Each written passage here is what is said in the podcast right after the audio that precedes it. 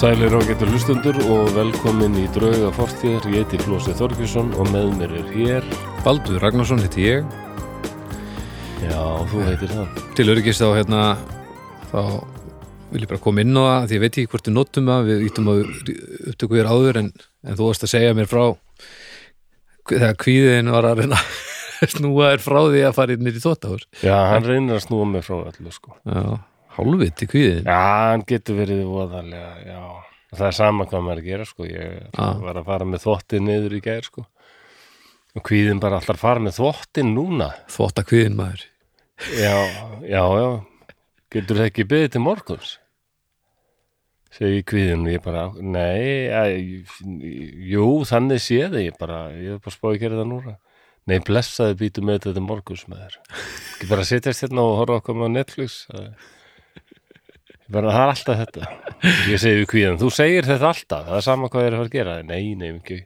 Þú ert aldrei sammála mér. Ég menn, þú gætir dottið í stiganum og svona seint, þá kannski heyrir fólk ekki í þér og Þetta er rétt Já, Ekki að ég ætla að fara að bakka kvíðan mikið upp en þú veist, nei, nei hann má ekki, hann má ekki gera lítur í þannig að vera rétt fyrir sér hann notar eitthvað svona sko já, Ef þú færð heila blóðfall í þvóttahúsi klukkan sko kortir yfir minnati þá liggur þú þarna á gólfinu allan daginn flósinni og það er kannski ekki fyrir en bara mörgum sólarhingur síðar sem einhver finnur þig. Er ekki, hann notar svona tekni skilju er ekki samt meiri líkur á því að þú finnist þér í þóttahúsi heldur en fyrir fram að Netflix í íbúðinni? Já, það er góð spurning sko. Hvað er kvíði bara, hann er bara að segja eitthvað sko. Heyrðu, hérna, ég er svo ánægð með hennan umræðuhóp hérna á Facebook. Já, skemmtilegt, skemmtilegt blás og skemmtilegar viðtökur og svona ábendingar. Já, mikið af góðum ábendingum og, og umræðum.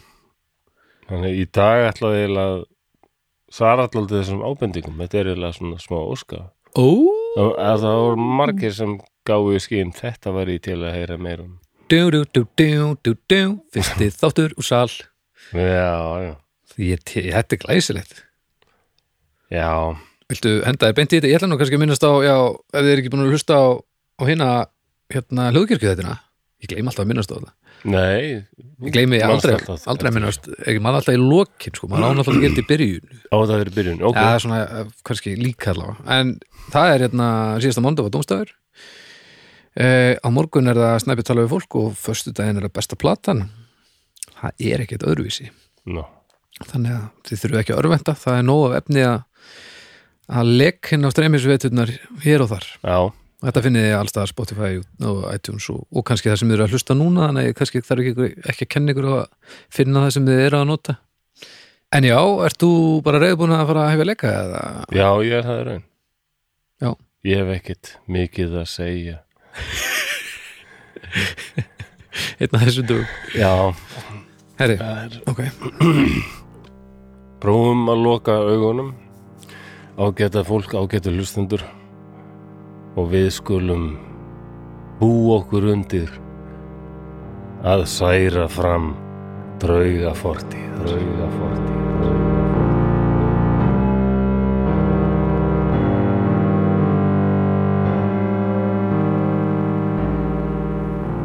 Við opnum augun. Við erum upp við húsvegg höldum á rifflum og við erum í einkennisbúningum. Það er greinilegt að við erum í stríði. Árið er 1913 og við erum stödd í setna balkneska stríðinu. Búningar okkar eru serfneskir. Það þýðir að óvinnur okkar eru búlgarir.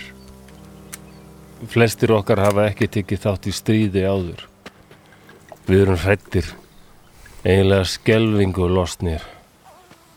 Á afar skömmum tíma höfum við komist að raunum að ímynd almennings á stríði sem eitthvað hetjulegt og rómantíst á ekkert við röka styðjast. Ég elska Serbíu og ég veit að ég er að berjast fyrir Serbíu en fyrst og fremst þá drepi óvinnin svo hann drepi mig ekki. Í þessum aðstæðum verðum við að geta treyst á hvorn annan og mín sveit er afar heppin með fóringja. Ég lít á Savits undir liðþjálfa. Hann fylgist einbeittur með húsaþyrpingu nokkur neðar. Ég lærði fljótt að fylgja Savits og hlýða honum í einu öllu. Ég er bara að reyna að verða ekki drepin, en Savits, hann er alvöru serbnesk hetja. Allir okkar vita það. Við getum ekki borðið okkur saman við hann. Savits er frábær skitta og virðist algjörlega óttalaus. Sumir virðast fættir til að vera hermenn og Savits er eitt þeirra. Hann hefur þegar fengið metalíu sem sumir yfirmenn hans hafa þegar ekki fengið. Nú eru þessar hugsanir mínar rofnar með sprengingu sem þeitir yfir okkur grjóti og sandi. Öskur, ringulhreið, skotríð. Stríðið hefur fundið okkur á ný. Ég finn hvernig ég lamast og ég vil helst hverfa ofan í jörðinu. Ég get þetta ekki. Þá er rifið í öslin á mér. Það er Savits.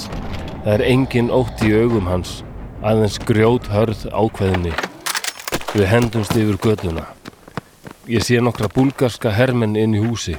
En Savits er þegar búinn að koma auga á þá og þeitir í handsprengju þar inn. Það vantar í hópin okkar. Savits leipur tilbaka og ég er hann öskra með sinni há og gjallandi rödd.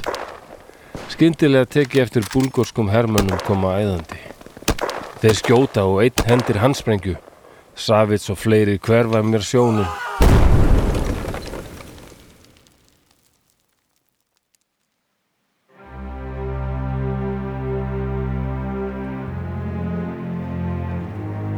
Setnum kvöldið kemur liðsfóringin okkar. Hann hafði farið á sjúkrahúsið til að vitja þeirra sem særðust. Tveir letust fljótt og sumir eru illa særðir. Ég spyr liðsfóringan hvernig Savits undirliðþjálfi hafið það. Þá verður andlið liðsfóringjans afar einkennjalegt, svo að að mér setur óhug. Flestir standa nú upp og koma nær. Savits er besti hermaðurinn af okkur öllum og það er því svo vond að missa hann. Ég spyr liðsfóringjan aftur. Er Savits ekki á lífi? Liðsfóringin er ennþá furðulegur og svip. Hann segir að Savits sé vissulega á lífi, hann sé ekki illasærður og muni hafa þetta af. Við brosum allir og hlægjum, en svipur liðsfóringjans er ennþá eins og steinrunin. Við þögnum það liggur eitthvað meiri í loftinu. Liðsfóringin segir að líklega muni Savits aldrei snúa aftur til okkar. Við göpum af undrun. Af hverju ekki? Spyrjum við æstir og reyðir. Liðsfóringin segir eitthvað sem ég grein ekki, en menn hætta að mótmæla og steinþagna. Dauða þögn. Ég byrð liðsfóringjan vinsamlega að endurtaka. Ég sagði Savits undirliðþjálfi kemur ekki aftur vegna þess að Savits undirliðþjálfi er kvennmaður.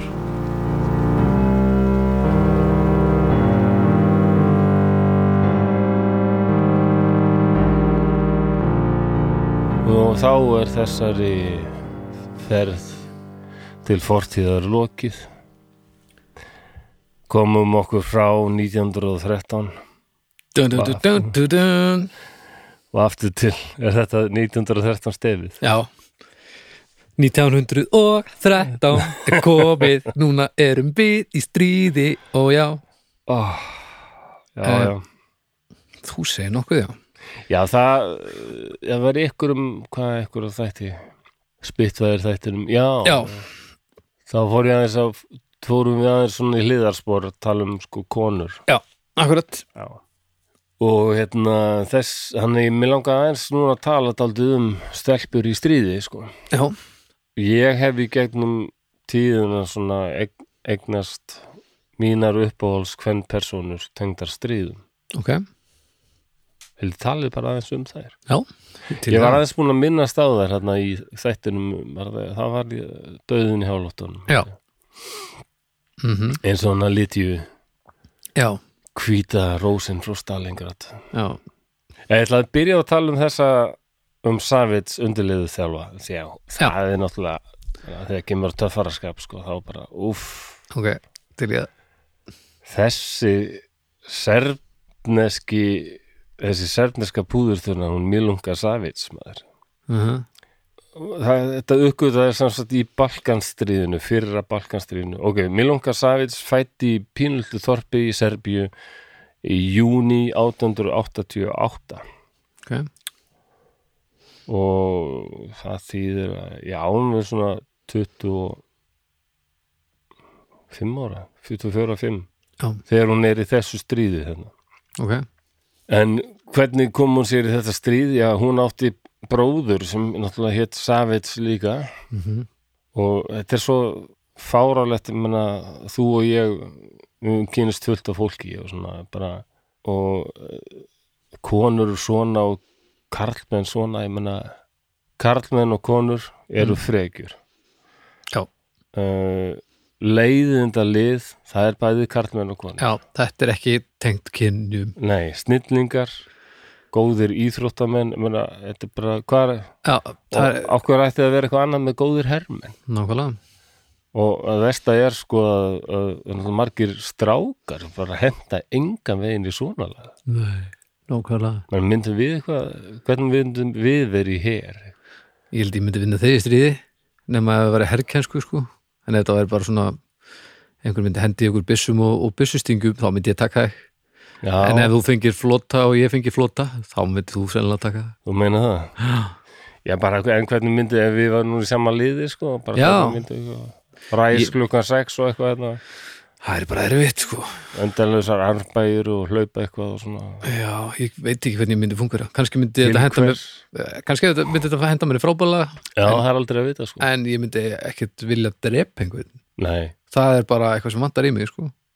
meiri segja fyrir Húsavík eins og fólk hugsa alltaf heima bara landi mitt eitthvað. Já, Þú veist, ég er ekki til í að drepa fyrir bakari Nei, þetta á 1913 þá var ennþá svona romantísk, romantíski nationalismin eins og hann er þetta og þá voru þjóðríki eins og við þekkjum þau í dag náttúrulega ennþá daldið ný sko. mm -hmm. bara Þýskaland, Frakland, Ítalía með fána og svona. Já, við höldum þetta hafi alltaf verið svona. Það, þetta er daldið nýtt dæmi í raun. já, það bara, þú varst bara þegn einhvers ákveðins konungs það var aðamáli heim, heimsveldin. Það var ekki eða hver er fánið minn heldur bara hver er minn konungur. Já, og Milunga Savit sem bróðir hennar var líklega svona ekkert mikið vitað um hann en ég hef svona leift mér að ímynda mér að hann hafi bara ekkert verið spenntu fyrir þess að færi eitthvað stríð. Nei, bara strákur sem vildi miklu frekar spila píanó heima eða eitthvað Já. en bara hann átti bara þetta ekki- systur. Já, sem grjótarð, sem alveg bara ekta hermaður sko. þannig að hún bara herðu ég fer bara í staðin fyrir þig. Og hún bara klippir hárið uh -huh. og bara gerir eins og kallalega hún getur sko. Það virkar. Strengir hérna strengir yfir brjóstinn sko alveg og, hérna, og bara kemur sér já ég er hérna Stefán Savits hérna, ég var hérna kallaður í herin Þetta er glæs já já, að hún fer í þjálfun. Ég veit ekki hvernig þetta tek eða hvort, já, skamma þjálfun og svo bara beint í stríð. Þetta Balkanstríð, þetta var Svolítið á- hlaupum allt saman. Já, þetta eh, hvað hefur verið barist þarna mikið sko. Já, sko fyrra Balkanstríð ef ég mann rétt, það var þegar Balkanlöndin öll voru saminuð gegn Tyrklandi sem réði alveg heilmiklu þarna. Já, Búlgaría, Rúmenía Svartfjallaland og, og ná, Serbía. Mm röktu Tyrk í burt og voru voða glæðir fimmur, smástund. Já, þá getur koma því að skipta Já, þetta er svolítið endur tekið saga. Já, þetta er eiginlega daldið hræðileg Já, það voru Búlgari eitthvað við sko, ég heldum alltaf við myndum ekki fá svona Já. Þetta er þetta er, er flókið. Já, þannig að Búlgari bara mjög örgi með sér. Ge- hana, fóru í stríði við Serba. Mm -hmm. en það leiti til þess að allir hugsaðu bara herðu, Búlgari er búin að gera þetta.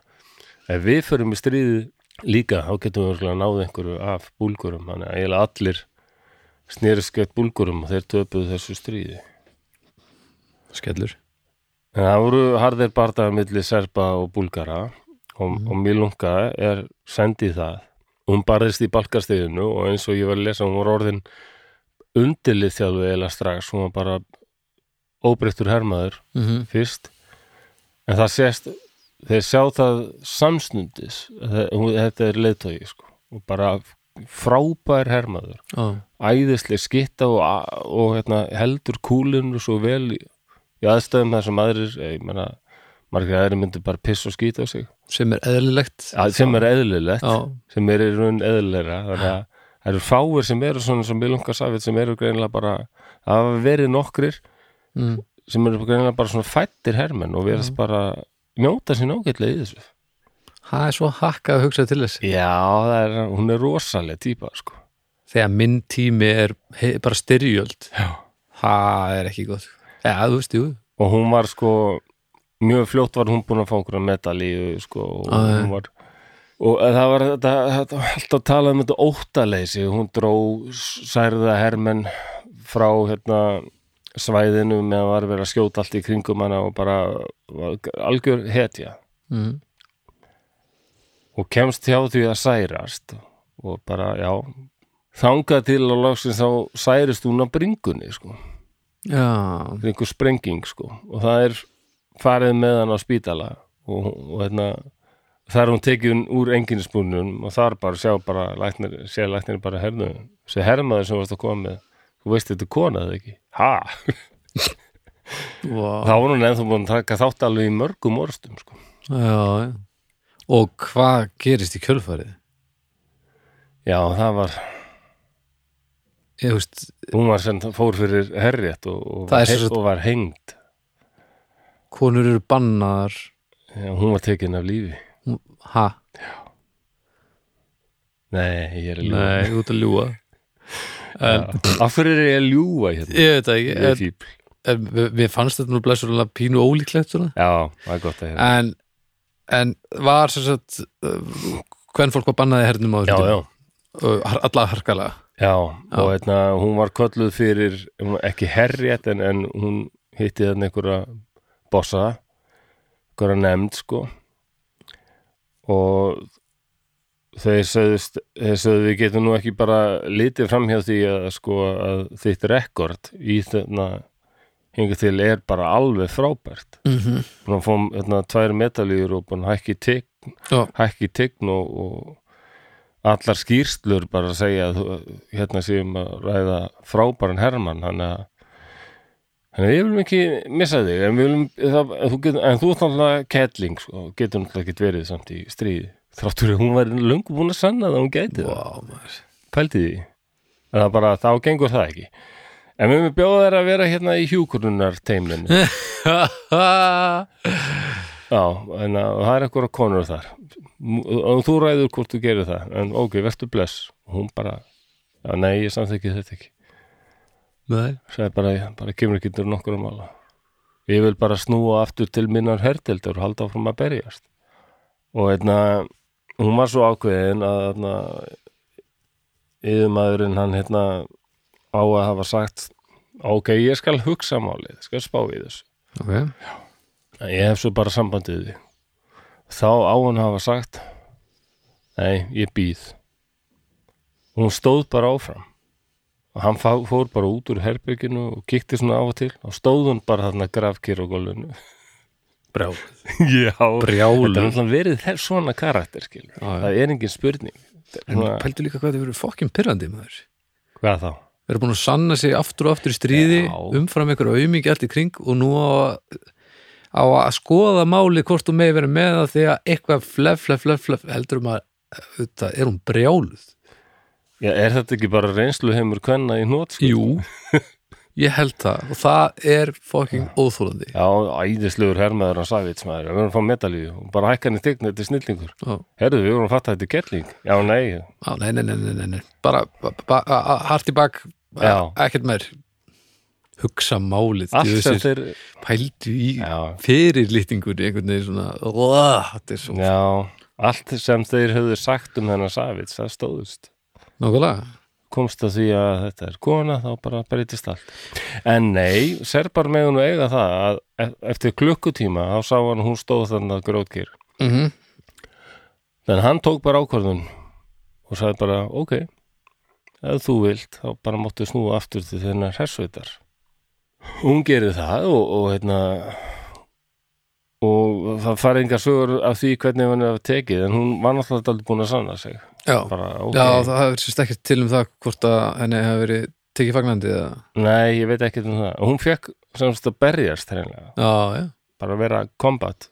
Já, og Serbar vinna þetta stríð, Balkanstríð 1913 mm en svo kemur 19- 1914 þá kemur svona alvöru stríð sko. já. eina af þessum stóru fyrir í heimstyröldin Mm og serbar eru þar að berjast aðalega já við Búlgari og Austuríkismenn -hmm.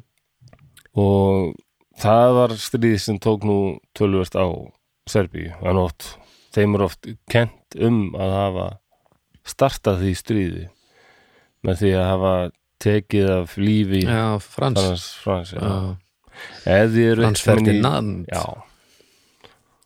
Ef þið eru einhvern tímann í Vín þá er þar hérna Militarisches Museum og þar er ennþá bíllinn sem Frans, Frans Jósef var í mm. þegar hann var skotin til bana þarna í Sarajevo minni mig. 1914 Mm og þess að jakkin sem hann var í og það er svona þornað blóð á honum og búið að klippa hann hérna upp á liðinni þessum magnað. En hún berst, hún berst í fyrir heimstyrldinu þá vita allir hún er kona en hún fær að berjast. Mhm. og áfram stendur hún sig svona rosalega vel. Og sankar þessum metalum og er alveg þrjusu hermaður. Ok. Og hún er hérna hún er líklega sá hvern hermaður í mannkynnsugunni sem hefur fengið flestar viðkenningar og orður Já, það er talið sko. Það er bara þannig. Hún hérna fekk til dæmis í fyrir heimstöldinu þá fekk hún medalju rísa medalju eftir að hún hafði alein tekið til fanga 23 búlgarska hermenn. Ha? já já. Hvernig? hún bara, það er ótrúlegt. Hún bara bauði um það að bara hérna, gefist bara upp. Þetta er vonlust fyrir ykkur. Já, en ef þið farið með mér þá, það hefur svo sem gerst áður sko. Já, já. en, en ef þið farið með mér þá bara verið teknið til fanga og Ah, snúðu svo heim þegar það er aldrei, það er svo gælet Já, já, það er það má lítið klikka. Og hérna út af því að hún sem serbar sko börðust í liði með öðrum þjóðum eins og rússum, bretum, frökkum. Þá fekk hún til dæmis sko, hún er eina konan held alveg öruglega enn þann dag í dag er sko engin kvenn hermaður sem hefur fengið jafn háa orðu frá frökkum eins og Milinga Savit sko. Ekki einu sinni franskur kvenn hermaður Ok. Hún fekk hann að Croate Gea stríðiskrossin sem er alveg einn bara stærsta orða frakka. Og þeir með þess að virtust eitthvað fílan og svo rosalega vel frakkar já, já, bara þeir buðinni bara hreinlega sko lífeyri og, og hún geti bara flust í Fraklands og hún vildi. Og hún fekk líka orður frá rússum og bretum og bara fullt af metal Vá. Tjúfusis dugnaður. Já, hún var hörku hermaður Ef ég færi herinn, ég myndi held ég ekki fá margar orður sko. Nei. Nei, maður veit, maður veit Hvað er minnsta orðan sem er hægt að fá í stríði? Eitthvað duglur að vakna? Eitthvað. Já, eitthvað svolítið Er eitthvað svona litlar orður fyrir vennilega til, fólkið? Bara eitthvað, Það er rúglega bara eitthvað hellir upp á besta kaffið Eitthvað, Ég veit, já, já. Það er svoleiðis orður. Kaffi orðan Já, ég meina Nei, ég meina, ég er bara að pæla hvort að vennilega fólki ég orðið voru náttúrulega með hvíta járkrósin sem er þarna sem konur fengu þegar þeir voru búin að eignast þrjú börn held ég eitthvað. Þá var svona barnseignar Ó, járnkross. nei, en nasist. Já, já, En voru þeir eitthvað með svona Fyndnasti nasistinn? Nei, Eitthvað svona í hverju deild, orublu ég held bara alls ekki. Nei, Voru blú? Nei, þú veist. Ég, ég er bara að velta upp möguleikum? Nei. Ég held að ég sýnist að þessi nasistar hafa ekkert verið rosa fyndnir. Finnir? Nei, Lægilegir en ekki aðeins einbætt þessir öðru. En, en mér langar Savit sko, ég, það serbar hljóta vera búin að gera bíómyndum en það bara verður að vera því þetta, þetta var síðan ekki búið. Eftir fyrir heimstyröldina þá hérna, þá fyrir hún bara að vinna á pósthúsi eða eitthvað. Og í setni heimstyröldinni þá hérna fekk hún sko að þegar hún var nú daldið svona fræg sko Já. eina kona sem hafði barist og sangaði þessum medaljum Mm. þannig að í þessum kreðis var hún daldið þekkt. Og það var eitthvað svona uh, serbi hérna sem var eða nasisti og þjóðverja vinur. Ok, sem var haldið eitthvað partí fyrir þjóðverjana og, og bauð henni milungu sko. Og hún bara afþækkaði það hún getið nokkur að greina sko. Greina. Og, og það var alveg ljóst að henni var og þá móðgæðist þessi náungi eitthvað það var eitthvað farið að rannsaka hana milungu og þá kom í ljós og hún var aktíft að styðja skæruliðana sko. Á, já, hún var að satna vörum og reyna að koma til þeirra sko. Ok. Hjúgrunna gögnum og svoleiðis. Og þá náttúrulega var hún sett í já, í svona fangabúðir. Já, var þar alveg eitt ár ok. En liðu það af. Það var nú ekki verið neitt góðu vist. Hvað, hvurslags fangabúður úr þetta? já, svona bara fanga, fangabúður. Bara fanga, já. En þú veist, samt ekki, Já, er- ekkert spes. Ég, aldrei miskilningur oft. Ég sé oft svona í blöðum og svona er talað um að hérna, einhver flugmaður var kannski skotið niður og satt sem fangi í dauða, dauðabúðum nasista. Mm -hmm. það er ekki rétt, hann satt bara í fangabúðum. Mm, dauðabúðuna voru allt annað Já, já, já. Og svo eftir setni her, heimstyröldina þá er stopnað þarna nýtt ríki í Júgoslavía mm og kommunismin er orðin stór hluti af Evrópu. Og hún svona gleymist mjög hratt mér lunga. já, ok. Hún giftist en skildi eða bara strax aftur. Ok, og var, veistist ekkert að við erum mikið fekkur okkur medalí fræðast skilnaður Já, en hún eignaðist eitt barn með þeim manni en já, svo vann hún bara einhver störf og bjó í svona lítilli hrörlegri íbúð ein. Ok, hún fór að vinna með munaðalösum börnum og endaði því að taka að sér þrjú munaðalös börn. Þetta er rosalegur einstaklingur maður. Já, ég veit það, hún er svo mögnuð, sko. Þetta er lígilegt bara á munaðalösum hælinu hún bara ættleiti þar þrjú, þrjú börn, sko. Ok, þannig að hún var með eitt barn sjálf og, og svo fjögur. Og hún var undir svona það síðasta bara mjög fátæk. Já, var alltaf í bökkum það var ekkert mjög og svo var ekki fyrir bara í setni hlutan já, bara, ég, þegar ég var að fæða 68 9 að það er svona gamlir hermenn er að koma saman aftur. Hittingur. Já, það er hittingur. Já, og, og þar er líka yngri hermenn í júkoslæfniska hernum. Ok. Sem sjá bara allt í þennu þessa gömlu konu koma þarna inn með allt fullt af metaljum hangandi utan og grótorðu konu. Og, og bara spyrja betur hver er þetta þetta er Milunga Savits og kemur ljósa margir serbar vissu ekkit hver hún var. En það er, er einn af þessum herramönnum sem er þarna hann ringir í blaðamann. Hef, bara hefur þú hert um Milungu Savits? Nei, bara þekki það ekki.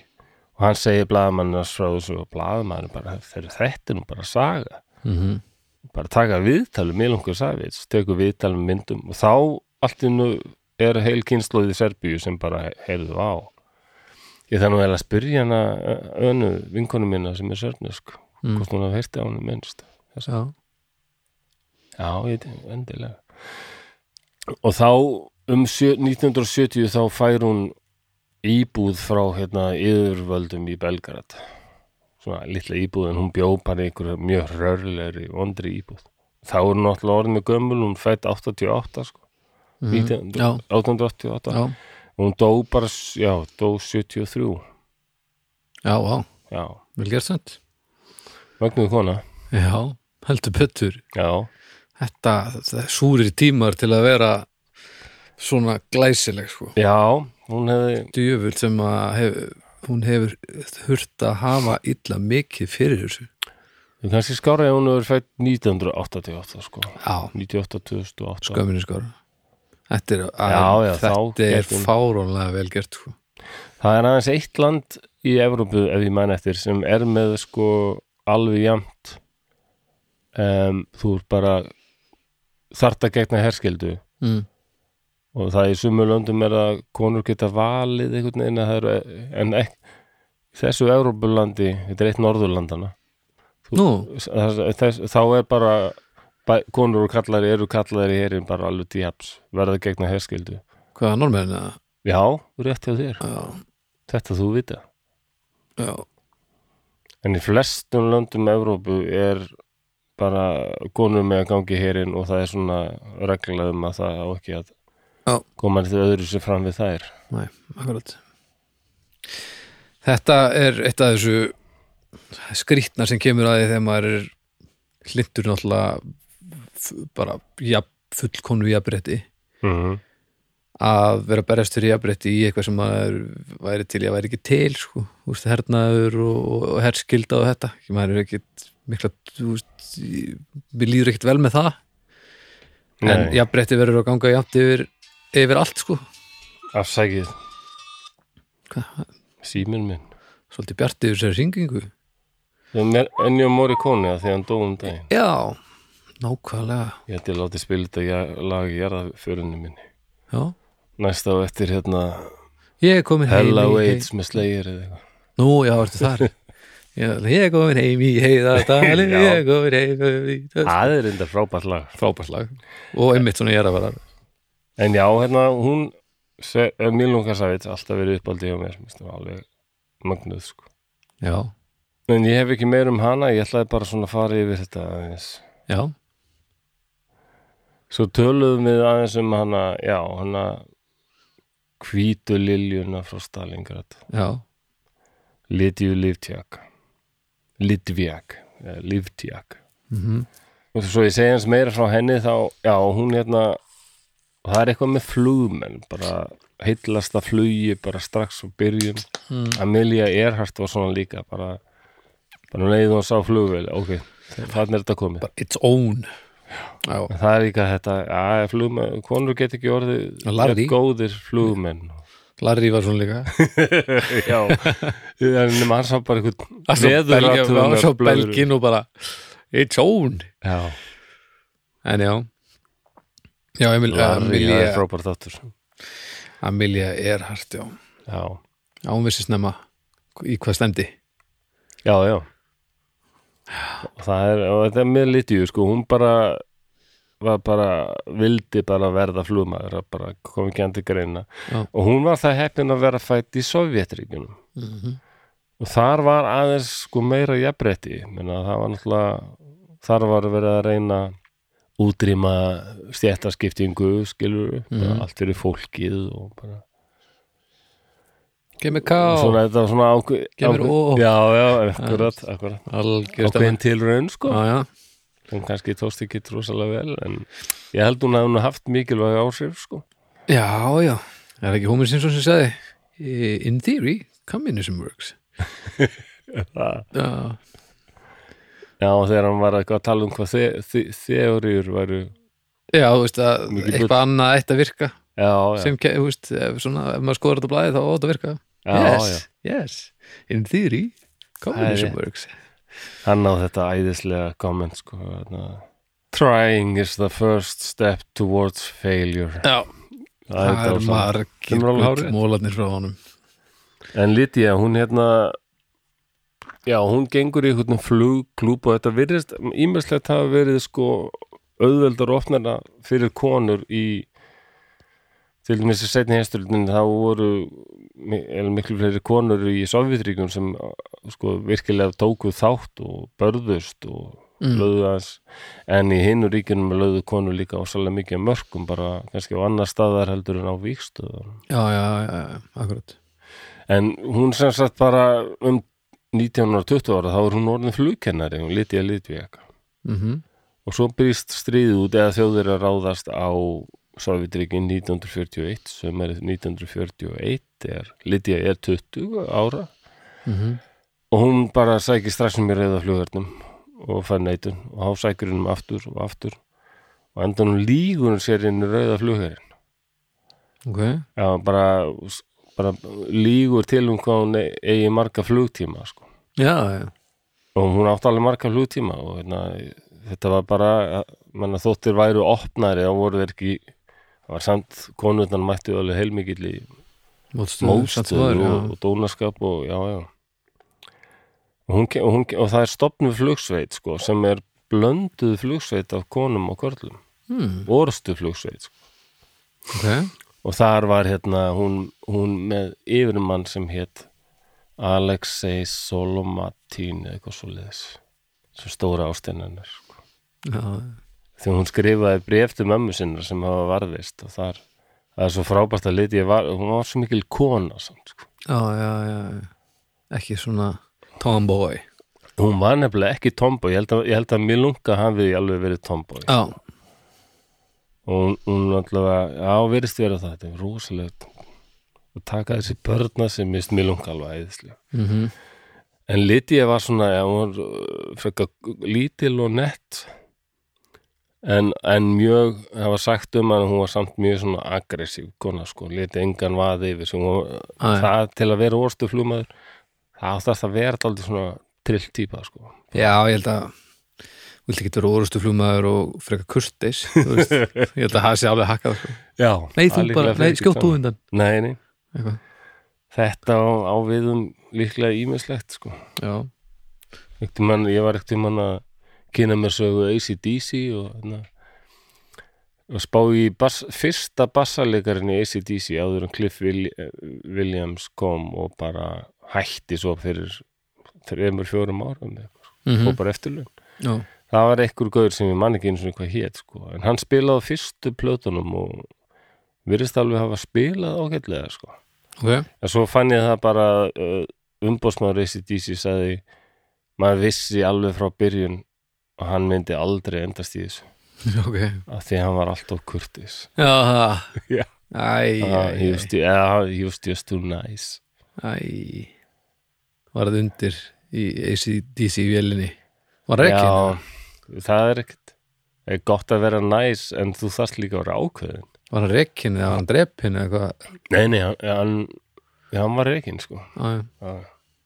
nei, drepin Nei, veist, bara, ja, það trúa öllu upp á ACDC maður veit aldrei Já, og lit, ef svona ég ta- tala áfram Lydiu, það eru fleiri konur alveg sem hægt er að googla og kanna rúsneskar sérstakar. Það Mhm. voru fleiri rúsneskar, rúsneskir orðstuflugmenn, orðstuflugkvennmenn. Já, En, en það var einmitt þessi ske- skemmtilega saga hérna með að það var þýskur fóringi sem var skotið niður og, og hérna, hann vildi endilega hitta flugmann sem hafði skotið hann niður. Fannst Já, hann hafa, já.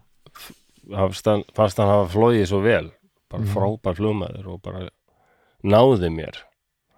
Og þetta var einhver flughetja þessi þýski fóringi, hann var búin að skjóta niður nokkur, nokkur velar sko. ok En mann rétt var þetta Ervin Mayer, ég ég skráði ekki. En það, ég kom fram í hinnum þættinum að, að þegar hann sá bara einhverja litla fínlega konu þá Já. var hann brjálaður, sko, bara. Og heldur var að ljúga sér og, Já. og Lydia tók sér þá til og fór að yfir orustuna með, eh, yfir bardagan með honum og hann var að viðkjöna, já, þetta var líklega rétt.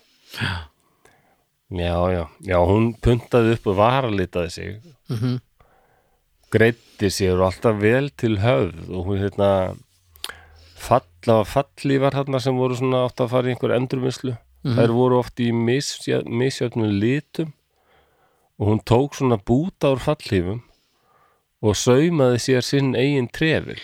Þannig að það voru margir sem voru með sko Já, sumir voru margir sem voru með trefla vegna þess að sko þessi hjálmar og búningarnir þetta og eins og ég sagði í þættinum um Spitfire orðstum Breitland að þú þarft alltaf að vera með höfuð og hreyfingu þú þarft alltaf að skoða svona Já, og lítið til hliðar og, og, og ef það er ekki eitthvað þægilegt inn á hálsun þá bara verður alltaf rauður og rispaður eða eitthvað. Þess að trefillin, mjúkur og fýtt trefill mikilvægt. Ok. Og það eru náttúrulega úr silki þannig að já, þessa gömlu fallegar að hún, hún sjálf brótiraði bara og bjóð til fínan svona næs fínan silkitrefil sem, úr, sem var marglitur sko. geðveikt. Já, hún er alveg æðislega tíma veistu hvernig ég uppkvotaði hana fyrst. Það var því ég bjóð í Danmörku cirka 97 og ég var að ná í símaskrána. Ha? maður gerði það ennþá. 1997 náðu símaskrána? já, já, það var bara telefónbúin ah, ok, já, já, það var bara einhver svona teiknun mynd framanna og konu sem vistist verið í engilsbúningi. Ah. og mér finnst þetta alltaf svo furðulegt hvað hva ætli þetta sé. Og svo stóð innan á þá, þá, þá var þetta einhver herrferða að feminist svona herrferða að tala um konur sem hefðu já, staðið sér vel í heimi kallmannana eða hvað, ég, veit ekki hvað ég er að reyna að segja þetta. Já, verður þetta ekki að sama bara og við gerum með símaskrána hérna, nei, alveg rétt það var gilsin já, nei, það var taldi öðruvís já, það var annars, annars rétt. Nei, í þessu- Eruglæst. Danir voru í þessu 97 eitthvað Já, það var svona merkar konur. En, en ég heitlaðist alveg að þessu og á þessum tíma um mitt 97 þarna var ég að tengjast internetinu í fyrsta skipti.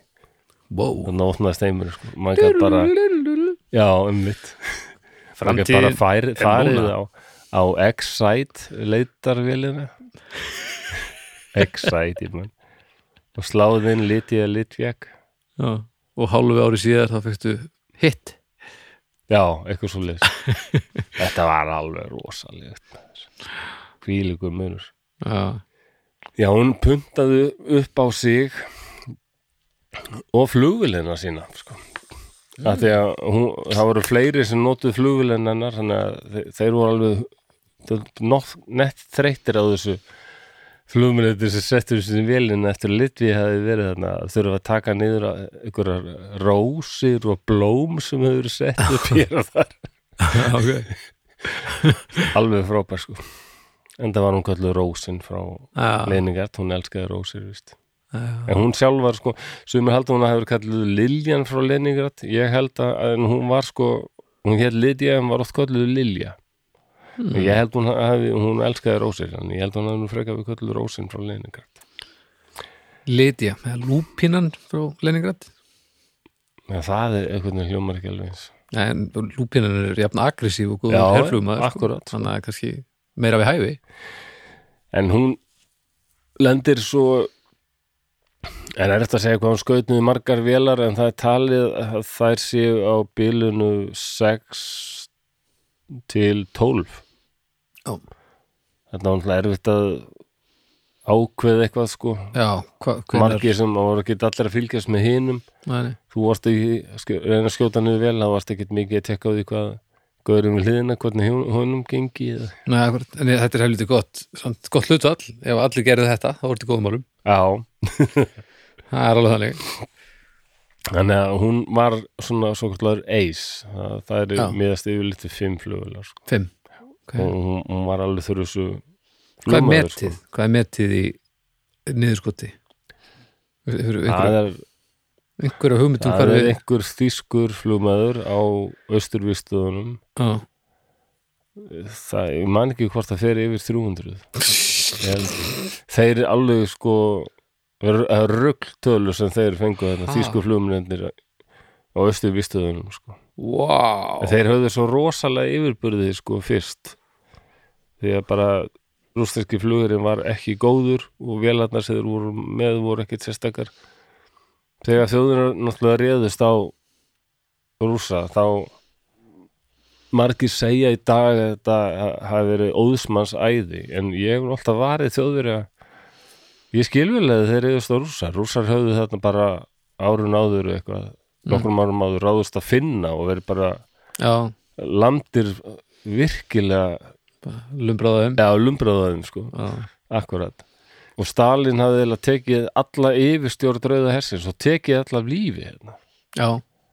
Rauði Já, heri var- bara hauslaus her sko. Stalin var ekki alveg stabíl þarna á tímabili sko. Nei, hann var heldur paranoid. Hann var með, já, hann var með svona, hann var með svona traust komplexa já, hann var með það. Og það auðmikið maður hann lendi í þessu menna, og svona, svona aðeins já, og eiginlega bara út að eyfina var hann svolítið svona þrúandi nærvera ég, ég myndi ef ég þyrst að eigða sex mánuðum lokaðurinn í íbúð eitthvað með annarkvort Hitler eða Stalin sveimið þá, ég myndi heldur frek- frekar vilja Adolf sko. Já. Stalin var svo mikið æfintileg fyllu við það og svo stjartfræðilegu prakkari. Já, og það var alveg eins og bara stundum næsti eða ekki? Jú, sko, hann náttúrulega líka lætur skikkar herfóringina til sín undir að síðasta í matarbóð alla daga.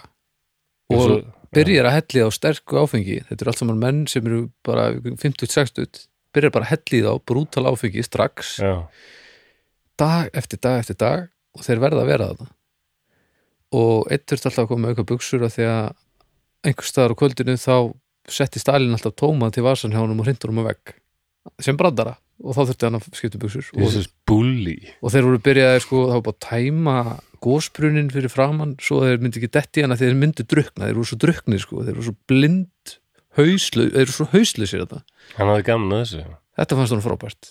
Og, og þeir voru farnir sko að fara inn á klósist og reyna að sofa gólfinu þar að sofa bara pín úr sér en þeir voru bara dregnir fram aftur sko. Svona gekk þetta bara. Eh, já, ég hef hérst eitthvað um þetta. Þetta er alveg glóruleust tími þarna síðustu, já, síðustu ár Stalin að láta menn dansa fannst það eitthvað rosalega fyndið. Já, svo alltaf bíómynd í lok dags. Það var alltaf, alltaf vídeokvöld upp á miðnætti.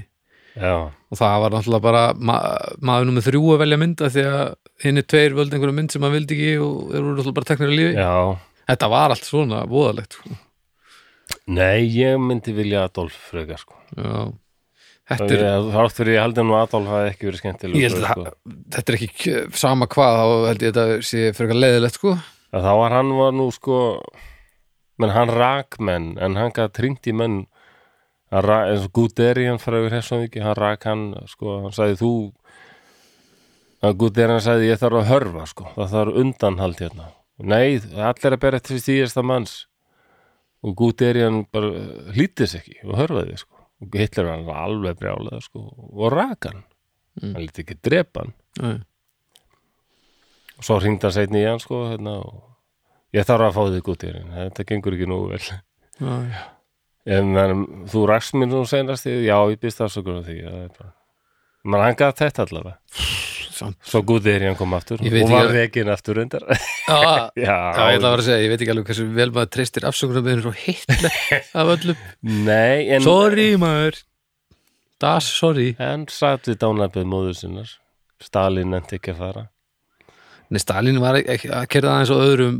Já, mununum var kannski Stalin var erkidrjóli og Hitler kannski einhver staðar í einhverjum fylstnum í heilanum hjæltana að væri að gera það rétta.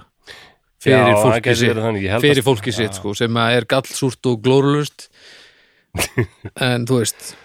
Ég held að Stalin hafi verið sko kannski gáfaðri klókari, svona slæðari já, en Hitler sko, ég held að. Já, líka jafnvel mun verri persóna en mun svona dýpri karakter áhugaverðari karakter að mörgu leiti sko. já.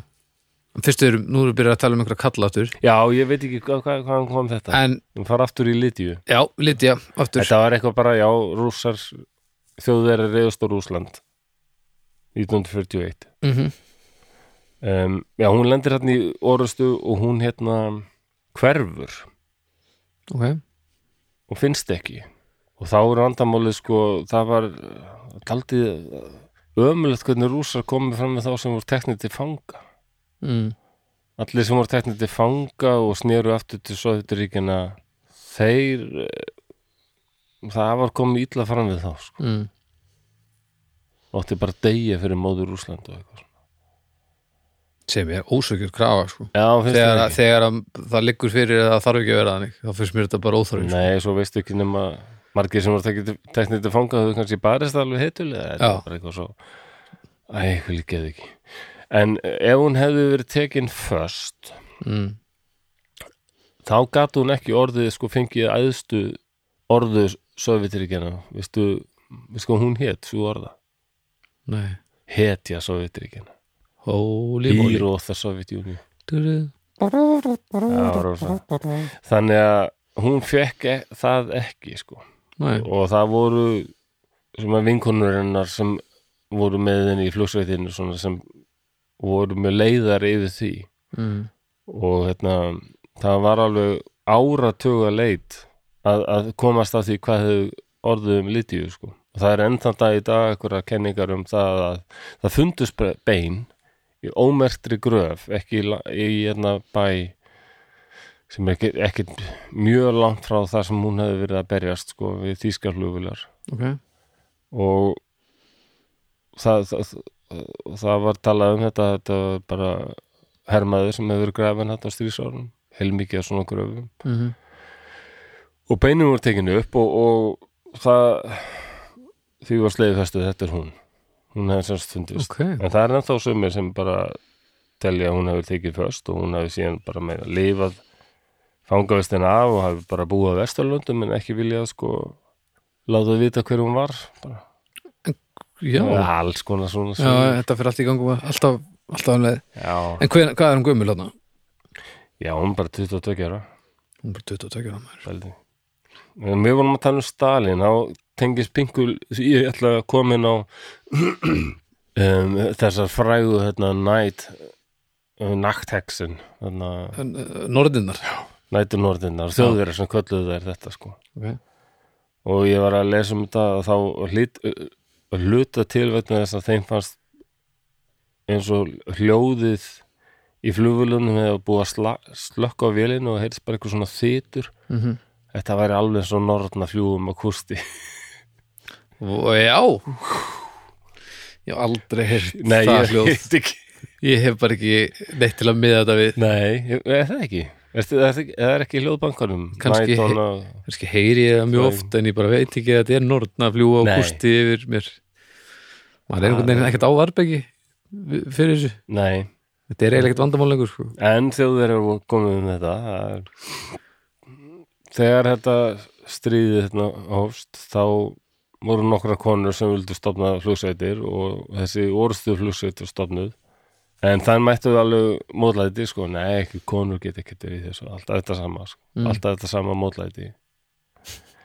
Og það er fengu stuðning út óvænt, óvæntir átt. Það var ein hérna ég er búin að gleyma hvað hann heitir.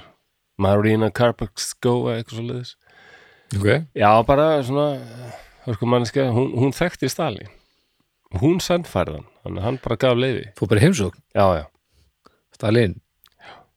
Geri Jósef, það er smá vesen. Við viljum berjast fyrir sögðir já, ég, ég, ég, ég, Já, læt já. strókan að vita þessu. Þetta þessu við. Keftu þannig að það þá var stofnuð þessi orðstu flugsveit sem var merkilt nokk sko bæði konur og kallmenn mm og svo var sprengjuflugsveit sem var daldið fjölmennari í þetta sko. það voru þessar nakthexen en þær fengu þær voru með sko alveg úreltar vélar sem U2 já. U2 flugvilar, Polikarpov U2 mm svona tvíþekja bara, þetta er svona gamalt tvíþekja. -hmm. en góð vél sko, flög hægt og var þægilegt að stjórninni og svona. Ok, og það er, ge- gerðu þetta, ég sagði frá þessu hérna í þættinu með mitt var það síðast í þætt?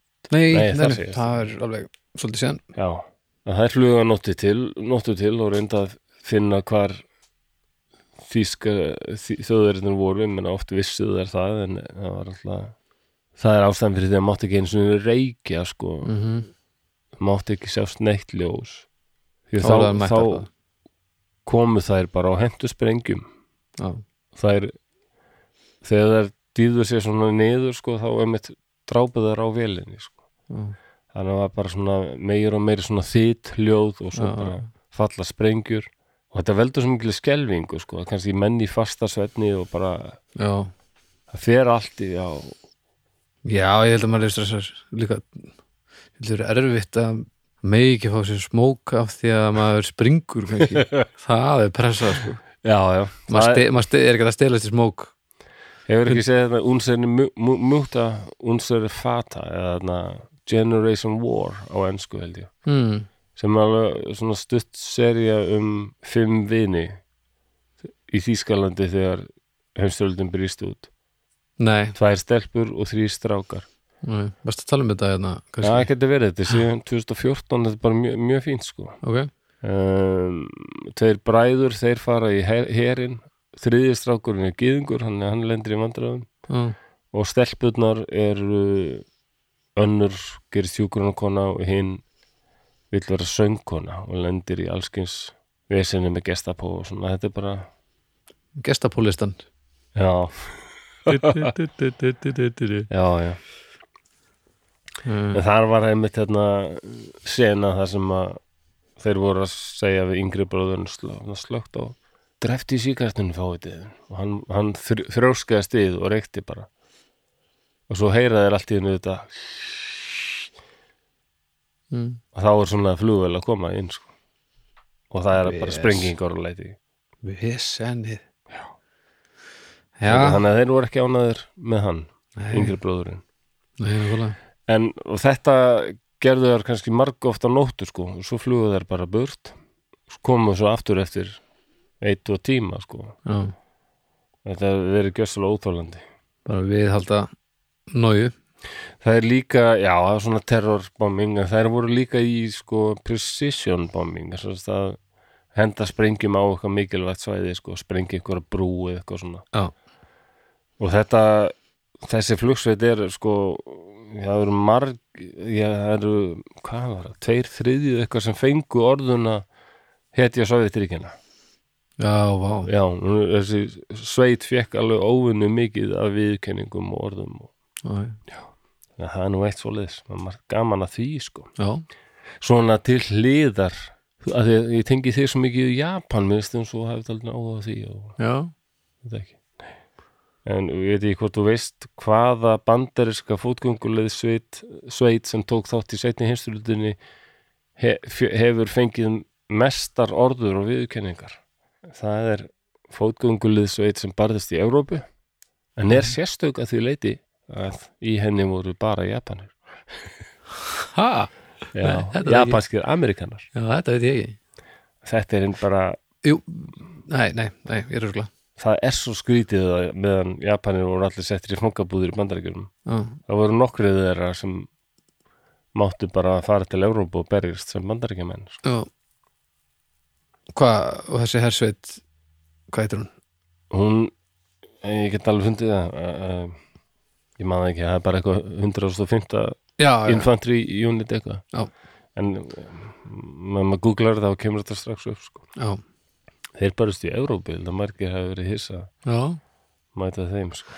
Skrítið að vera frá Japan vera að berjast fyrir bandarækjumenn í Evrópu já, Þannig er maður komin svolítið, maður er ekki lengur svolítið að berjast fyrir sínu, sko nei heldur maður, jú, bara Já. lífi sínu þú veist, en, þeir vildu sanna sig já, en fyrir maður nú vera maður. Og gerðu það. Já, já, ekki, ekki, Það er búið að gera heim, heimildamind um hérna kórumannin sem var tekin af Japanum mm, og neittur í japanska herin mm barðist með honum og svo var hann þá var hann tekin til fanga af rússum sko. Og Japanir barðist aðeins við rússa -hmm. í byrjun seinni hinstræðar eða svona rétt áður. Hann tekið til fanga af rússum og er hérna þeir fatt hann í kórumaður hann vill ekki tvara aftur í japanska herin en þeir setja hann bara í rússneska herin wow. og hann er bara í rússneska hernum og hérna, svo byrjist setni heimstyröldin út og þjóðverjar er á Rússland og hann er sendur til að berjast við þjóðverja. Þjóðverjar taka hann til fanga. En einhver hluti vegna að þá finnst þeim bara mjög sniðut að já, þetta er kóruðu maður já. þeim finnst bara mjög sniðut að setja hann í þýska herin djöfulsis það er til myndum hennar gaur.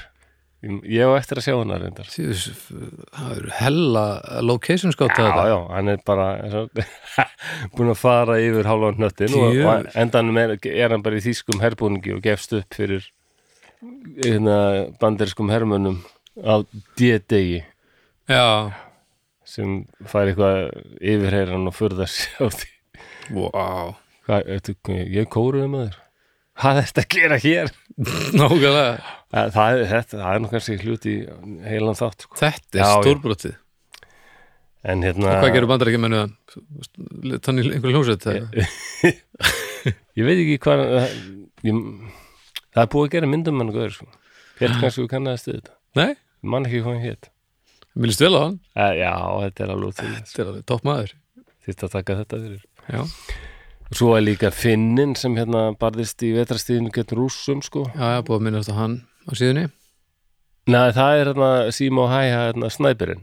Já, en það er annar þú ert að tala um annan já, Hétir, hérna, hétt Mikko, Mikko? Törni eitthvað bara Mikko Törni Já, hann hérna barðist með finska hernum gegn rússum, svo gekk hann í SS Mm. barðist með þýska SS og fluttur svo til bandaríkjana gekk í herin þar og barðist í kóruðustriðinu og gott ef hann var ekki meira sig tók eitthvað þátt í Vietnam þannig að hann aldrei fyndi þess að myndir á hann sko, bæði í, í finska búningnum, svo í SS búningi og svo bara US Marines Bara eins og Photoshop. Já, þetta er líka þessi típa sem fattar bara ég er bara hermaður og það er Mm. það sem ég vil gera mér líður bara best þar. Mér er sama, mér sama með hverjum ég er í liði. Já, það liggur við Það er rosalegt Það er illa súrt Oft en ekki er þetta fólk sem á mjög erfitt með að fóta sig á ekki stríðstumum mm. en, en stendur sér frábæli í stríði sko. Það er, Já, Svo í bandarsku borgarstyrjöldinu það voru þessi tveir eh, Union generalar Ulysses S. Grant og hérna William Tecumseh Sherman Tecumseh Tecumseh eftir hérna eh, eftir Indjána, má segja það Nei. bandarskum frumbyggja frumbyggja, já Þeir voru sko, Ulysses S. Grant var þunglindur alkoholisti og hérna William Sherman var geðveikur, hann var með eitthvað svona mani og depression sko. mm. og fyrir borgarstyrjöldina þá voru þeir alveg sko gjössalega vonleysur, báður verið í einhverjum business og það hefði allt farið í klessu og bara líf þeirra var vonlust sko. Mm.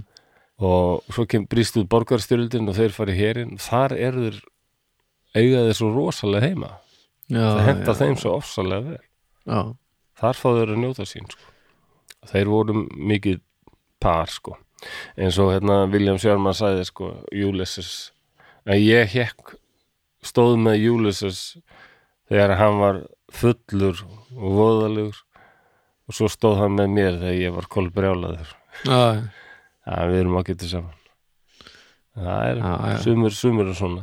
Haltur leðir haltan sko. ég held að Milunga Savit hafi verið aldrei svona típa líka. Hún bara naut sem best í hernaði í stríði. Já, fann sér bara í þessu umhverfi. Já, þessar, nætur nornir, það eru, en það er mætt, mættu alveg þrátt fyrir, ég vil- ég vil ekki sko tala um þetta undir rósi eitthvað, hvar sem konur voru, þótt þar hefðu fengið hennar séns, mættu rosalum fordómum og Já. þær fengu oft lélegri tæki og tól og, og Já, lélegri búninga og svona sem þær þurftu sjálfar að laga til og svona En svo var ekki samt litið framhjá staðarendum þegar komaði að, að gefa medalíður og þannig. Nei, það er náttúrulega bara eitthvað ákveðið kerfi þar Já, sko. þannig að það var allavega ekki hægt að, að gera lítið úr neinu þar. Nei, nei, sem er frábært. maður er kannski ekkert endilega yfirvöld hafi alltaf verið þau vestu heldur bara einhvern veginn, þetta er alltaf þetta er svo stert í okkur einhvern veginn þetta sé ekki kvenlegt að bera- já, en það sé eitthvað karlmannlegt ég sumir efast bara um það að þetta sé eitthvað hluti á karlmennsku að standa sér vel í stríði bara, eins og það hefur komið í ljós það er fullkomið, fullkomlega kolrand. Já, ég last aldrei um þetta í gær sko, hérna, þar var talað um þetta, nei, þetta bara þetta er bara eins og hverjum vinna, þetta hendar ákveðnum típum, öðrum ekki það hefur ekkert að gera með hvort þú kalla hvern maður Nákvæmlega. og það var tala um að konur var ekki nóg sterkar líkamlega til að standast á þetta en ég var að lesa grein í gær eftir sko ofursta í bandarska hernum þar sem hann var að efast mjög um þetta Mm. að þessar og eða inntöku skilirinn það mætti alveg fara að endur skoða þau Já, já, og reyna að miða svona út frekar styrk hvers, hvers og eins sko. já. Stríðsreksturinn maður. Ha, já, aldrei döð stund. Nema stundum. nei, nei það er eitthvað reyla mikið að döðum stundum sko. að mjög mikið það er það sem þau þólaði verst sko. mörgum á dag oft. Myndin hann Jarhead með honum hann hvað heitir hann? Uh, Æ, hann hérna viðkonulegi drengurinn með skrýtnu augum Donnie Darko? Hérna Ki- Kieran Flenders nei, Kieran Flenders það er aðni að koma Jake Gyllenhaal. Já. þarna koma. Kieran Flenders minnstu þetta hjálpaði með stundum að bulla til þess að muna. Það ég bulla til að muna. Já, Jake Gyllenhaal, hann er flottur. Hann er Jarhead, Já. hún, hún fjallar aldrei mikið um þetta en hann dauða tíma. Já, það er leiðilegt oft. Hangs og bara Já, erum við orðin eitthvað slemmar á tíma, minnst þú vera að líta svo mikið á klukkuna. Það er bara rétt að fylgjast með. Hver, hvernig þetta stendur sko? Þarf þú að sækja eitthvað bara til talentisins eftir svona? Nei, það verður úkesslega skritt til hún færi einn til talansins um takja ára sko. Já, ok, já, nei, nei en hérna, Ég var nú alveg farin að fara eitt til talentis takja þryggja ára, já, já. Ég var Já, minn eigin tannlæknir þegar ég var já. þryggja já, Já, ég lappaði um allt fór út í búð alveg þegar ég var þryggja ára og ég ætla fá stræt og bara ég ætla að fá þessa mjólk Já. þú talaði svona sem bara Já, já, ég gerði það. Halló, hollin skollin Ég verði vandræðilegur þegar fólk er að hermeti mér. 1, 2, 3, 4, 5 Mér, mér finnst það að setja upp eitthvað rödd sem ég tengi ekkert um mig. Bara þetta hljómar er svo nú kem ég. Nei, þetta uppáldi mitt sem þú, li- litli þú það er okkur búinn. Já. ég held að hafa verið geggjað. Búinn Já, er það er ekki mikið eftir svo sem að mínum uppáhalds? Það eru uh, Milunga Savits, Lydia Litjek og þessar næturnórnir já, ég minnst eitthvað aðeins á Hönnu Ræts sem var þýsk. Já, og líka alveg frábær flugmaður sko, og setti og hún setti mörg, mörg, mörg met sérstaklega hæðar met mm. og ég veit ekki kannski margir hafa séð sko, til þess að þau sé myndina Dunkirk Mhm. séð þessa illræmdu Junkers 87 stúka steipivél sem var með svona ílfrur á hjólunum þannig að hún steifti sér niður þá kemur þetta alveg bara og hryllingur er örgulega að heyra þetta sko, já, að vera á jörðinni og held að er reddur Já, og, og hún til dæmis reynslu flög þessum vélum ok, bara hanna, þú mátt ekki vera orðstuflugmaður en næstu til ég farið upp í þessa vél fljú upp í 4000 metra og stefnin er svo beint niður og fljúa bara rosalega hratt beint niður og svo kipi í stýrið og sjá hvað gerist. Var, já, já, ég geri það. Og hún alveg slasaðist við þetta og svona sko. já, þetta, þetta er náttúrulega þetta er ekki að vera er testpæl þetta er stór hættuleg já, þetta er eitt af því sem að maður vildi ekki vera fyrstur en hún gæti ekki verið hermaður Það er- nei, ég svolítið ekki, Ja, því hún kona sko það ekki neinu gat, gat En ekki raun var hún það að þetta, æ, ég meina þetta er þetta er einn mesta styrlunin í þessu öllu saman það er það, hún var algjör nasisti sko. mm. Það er eitt hérna, með hana samt sko. Hún var alltaf svona poster child fyrir því að hún var flott kona og bara svona arísk í útliti sko. Mm. Þannig að hún var oft já, svona þeir út að nota, nota hana til þess að hvetja konur í eitthvað. Já, særlega hugmyndina. Um, en svo setna hérna á sjöunda áraturnum þá vantar hana hún var búin að vinna við eitthvað flugtengt sko. Þá hérna býður sko forseti Gana býður henni að koma þangað Og verða með flugkænslu og þá nú margir í Gana sem bara hvað þetta var fá hérna einhvern rasist og nasista sko. Mhm. en hún þykkur það ok, og hún sagði sjálf sko það ja, á, sínu tíma þá hefði nú haft einhverjar aðrar skoðanir á svörstu fólki sko en það hefði bara breyst hún og, bara, já. já, ok og henni fannst bara vera í Afríku og hún var mikill vinnur fórsetans en Krúma heit hann held ég og Mm. tal, að telja margir að þau hafi bara ég ætla verið meira heldur en bara vinnur sko. ok já já, wow. svo ætlaði ég já Hefur heyrt um eitthvað af þessum konum hérna, Af þessum? já, sem við nefna Nei, bara þegar að þú hefur verið að Það er eitthvað Já, bara bladra, en nei, ekki svona heilt yfir Það er ein eftir sem er þykir alltaf aldrei vantum og ég myndi gæna vilja hitta, ég veit ekki, það er lítið vitað um hann. En svo eru glæð marga konur hérna sem ég, ég hef ekki minnst á og ég hvet fólk í umræði hópnu til endilega þið vitið um einhverja stelpur í stríði sem ég hef ekki minnst á, endilega segja manni frá. Þetta er eitthvað efni sem ég væri til að vita meir um Aldeilis og hvort það er eitthvað svona kannanir ég hef heyrt um sko það verið gerða marga kannanir eru konur jafn góðir hermenn og menn og sumar kannanir sína fram á að það sé einhver vandkvæði með það og aðrar ekki mm -hmm.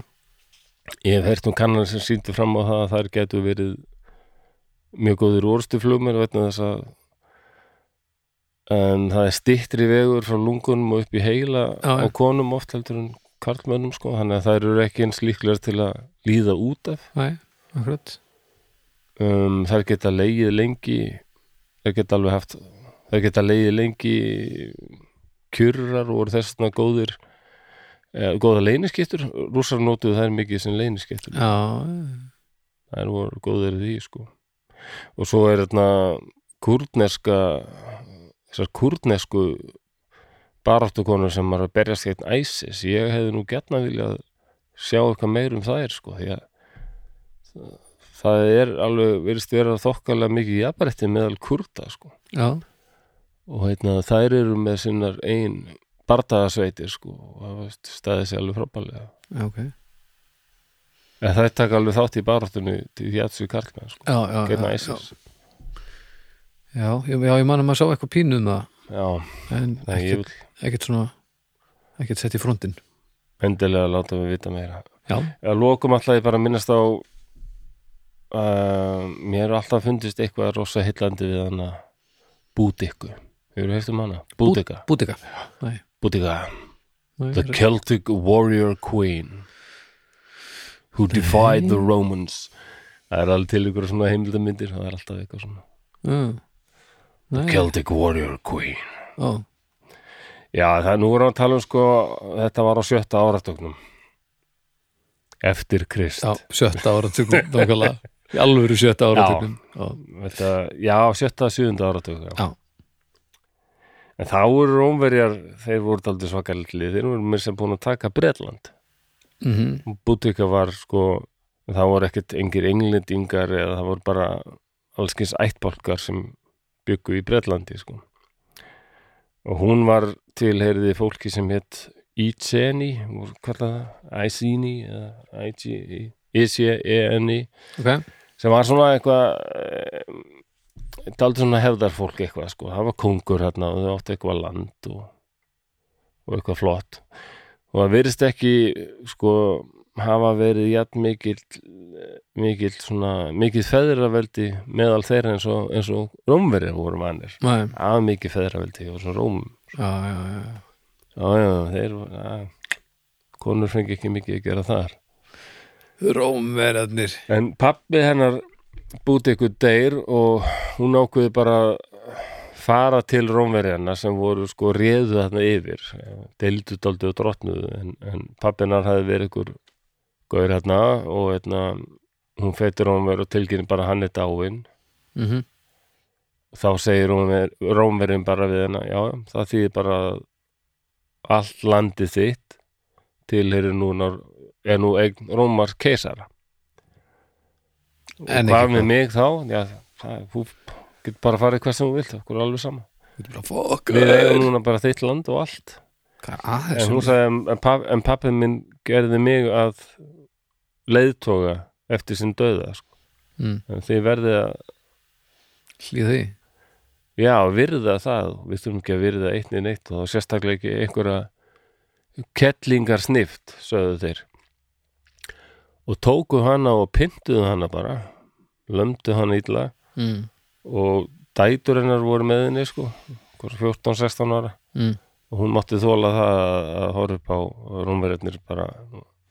Rómsku hermennir fengi að nauðga þeim bara aftur og aftur og aftur. Fyrir, já, þetta var svo voru það bara leigið og þeim, þeim bara sparkað út úr búðunum bara. Þarna var búið eitthvað reið. Hvað gerir hún? Hún fer bara til síns fólks og fer að tala og segir frá því hvað hún upplifað og að þessir nómverjar séu bara skýtseiðu og hvað akkur látum við bjóða okkur þetta?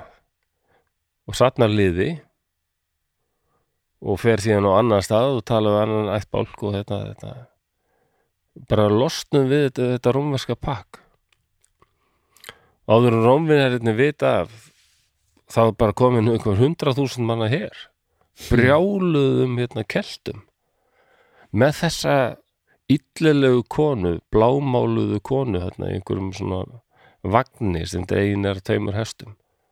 Ég sé hana fyrir mér hérna bara trillt af hatri og reyði sko hérna með, e, máluðu sér oft sem ég fram á sko, mm með spjót sko og hún leti þetta, já, hún var leiðtöðin sko, búteka og hérna þau reyðust á róm, rómverjuna og þeir náðu að rústa sko fullt af svona rómverskum herstöðum. Drápust okkur tíu þúsunda rómverskara hermanna mm, þessi her sem ætti bara yfir. Og enginn tekið til fanga þau eru allir drefnir já, já, mörgóðurinn lífið sem mikil reyði já, og þannig að þetta var þetta stemdi bara í eh, ó, óefni. Mhm, en, en Rómverið er ekki heimseldi fyrir ekki neitt sko þegar þeir fóru að taka þetta alvarlega sko og mættu þessum keltum á, á vývöllinum þá hérna þá tapaði búti eitthvað svo veit engi hvað varð um hana sko. Ok. Að það er hún hafi bara látið sig hverfa kannski tekið eitur eða fram í sjálfsmál bara, já, og bara já. Er, það er ekkert engin sens allavega að hún hafi lifað þetta af eða hvað? Nei, mér líklegt að hún hafi bara það er ekki ólíklegt, náttúrulega þetta var bara hún var búin, hún var hún var búin að tapa þessu og hún var náttúrulega eh, líklega ekki vinsæli og rómverðum eftir þetta og bara nei, alveg að bara hverfa bara, já, ég veit ekki. Vá. Já, mér, ég hef alltaf verið heillar að búið sko. já, ég meina löðrunga veldið. Já. Það var kona sem fór fyrir þessum. Er sko. Og ífði upp sko hatrið í garðanverjana hún sá um það sko. Já tala, Já. tala við fólkið maður. Talaði fólkið. Já, meira hefði nú ekki. Mér langaði bara svona að já, koma inn að þetta. Þetta er gott. Ágætt, já það er. Já, svona, svona droppinn á ég líka bara átti ekki vona að ég myndir svara kalli mínu hérna í síðasta þetta svona snemma sko, það gleði mig mikið. Já, um þetta? Já, um, að svona konur í, Já. í, í stríðum og svona. Ætla, það var mjög þetta var mjög áhugavert Já, þetta er eitthvað sem ég ætla að kynna mér en þá betur ég get. Finnst þetta og já, ég, ég var stíðum að umræðahópurinn lumi á, á sögum. Það er ég alveg vissum Ég man allt í hennu ég hérna var um tíma sko þekkti Ísraelska stelpu. Já, um, sem alltaf sérstök sko og alveg heiðin eitthvað og, mhm. og hataði kristni mm og Íslam alveg rosalega. Eiginlega var hún rosalega upptökin að því já. nei, ég er svona ákveða bara kannski að forðast fe, feita bara út. Já, já, en ég fannst þessi Ísland eitthvað æðislegt sko. en hún sagði mér hérna, ég sp- spurði mig hérna, þú hefur verið í hernum? Hún bara, já, ég er eitt að vera í hernum. Og hvað er til að gera þar konur, bara samastrákanir kannt þú, ég spurði bara kannt þú samst alveg að skjóta á riflu já, já, og bara setja hann saman og allt sko, ég búin að fara gegnum það allt, já, það er bara svona og að venjuleg stelpa sko, hlusta á þungar okk það er nefnilega að maður veit ekkert hverjir hafa fengið þjálfur og hverjir ekki sko. En, en hún var að segja og ég segi eitthvað svona já, það er engin ástæð til að halda konur get ekki drepið eins og kallmenn hún sagði, hún, hún sagði það, hún, þá sagði hún mér, ég hef þetta bara frá henni að Ísraelski, Ísraelski herin hefði á sínum, sínum tíma gert könnun um þetta. Mm. og það hefur komið í ljós að það er bara engin munur því, konur geta alveg drepið eins og menn. Já, það er aðalega má, vist málið sko sem herir þurfa að gera það er að kenna fólki að drepa. Já, það er yfir. það er okkur ekki eðlilegt. Við viljum ekki drepa annað fólk. Það er bara ekki blæsunulega, það er ekki stert í okkur það er okkar þú sér bara þegar ég, ég, hérna já, já, menna þú kannski lendið því ég var eftir að labba í bandaríkjunum og ég hérna rann eitthvað ég var að labba við eitthvað tröppur og ég misti í mig eitthvað. Mm. og hrein bara í gólfið og ég vissi að það voru bara komnir hérna þrýr menn. þrýr menn mjög ólíkir sko. Já, hérna, ein, ein kona ein svona svartur ungur maður Mm. svona feitur hvítur kall. Mm. þau bara komum bara og liftum mér upp bara, já, bara er allt í lægi með svona. bara alveg leið ég bara, já, ég held að ég veit ekki hvað fjandan gerðist þá hlóðuðu bara, ég menna öll lent í þessu. Já, já, en bara þú ert vissum þú sést í lægi þetta var alltaf rosalt fall. Ég, já, ég er góður sko. Bara, gott. Það, þetta, þetta er bara æðislegt. Já mér finnst þetta frábært þetta er svona Og þetta er eitthvað stert í okkur ef einhver meiðist við þurfum að tekka á hann já, það er eitthvað svona træbal dæmi sko. eða eitthvað, ég veit ekki hvað það er betra en ef þau höfðu þrjú myrti já, en á, á hverju fór ég að tala um þetta? hjálp ég veit ekki jú, í, Ísælska konan sagði sem Já. sagt að, að það er kenna fólk að drepa sko. það er Já. fyrst komast en, yfir en, sem já, en, og en sagði Ísælski herin hefur komist að því það reyndist að það, er daldið erfiðara vist fyrir konur sem eru mæður að byrja, já, komast yfir að- hjallan sem sagt. já, já já ég meina að maður skilur svo sem alveg hvort sem að veist, svo kenning er allavega hún er, maður skilur hvaðan kenningin kemur já en hvort sem að er rétt eða ekki þá, þá hérna, held ég að munurinn sé ekki stórkostlegur á milli kynjana sko. svona Nei. ka- kalt mat sko. Þetta er bara einhverju sifirslegu barriðir sem þú ert að komast yfir í haustum á þér og þá getur þú bara að byrja að drepa Yay. good times Já, já. ég hef ekki komist þar yfir en þá en ég hef nú reyndar ekki reynd Nei, ég veit ekki, ég veit ekki. við skulum ekki, ef ekki farið gegnum æfina á þess að drepa Jú, jú, jú, mig góður. gott Algjörlega. Ég, ég, ég telst ekki þeirra bara neitt, sko. Nei. Ég bara hef enga löngu til þess að veiða eða eitthvað svona. Ég bara skil ekki núna á sumrin en það var alltaf svo margir á Facebook alltaf eitthvað. Fekk þennan hérna, þessa rignu hér og ég bara, hvað? Ég hugsa alltaf þetta saman. Hvað er þetta að pína þessi grei? mm. ykkur dýr sem er að synda hérna í ám og vöttum og best að henda ykkur stáli hérna út sem þau sem rýfur svo í munnin á þeim og þau reyna að koma spurt og ég kippi á móti. Þetta er pínur svona hei. hvað er þetta? Já. ég bara fatti þetta ekki. Nei, en þetta er, þetta er bara ættbálkur út af fyrir sig. Já, ég, Ég- ég... skil alveg pínu svona romantikinu við að veða sér til matar og þetta. Já, já, en þú veist, þú myndir aldrei veiða hest og slepp honum svo, skilur við. Nei, nei. Þetta er pínu svona já, þetta eru tveir heimar. Já, uh, takk fyrir þetta hlugkirkjan það er dómstagur á mánudum hvað svo? svo kemur uh, besta platan. Þannig að, já, hún kemur á föstu Hún er að föstum já. Við erum á er- og snæpi Va- talaði fólk á 50 Átti ég að segja draugur sagt.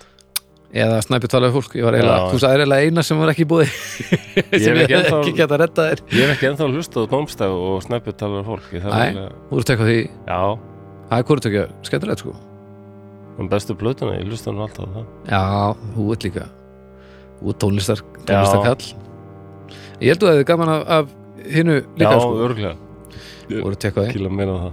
En þetta var sem sagt líka eitthvað sem fólk síndi áhuga á að heyra um að ég, að það komið fram marga góða tilgjótur mm en til lögur sem ég ætla alveg örglega sko nákvæmlega. Ég Herri, er góður, ég er góð líka, ég hef segið ágætt og þakka fyrir þetta ég held að Alrighty, bye. Bye bye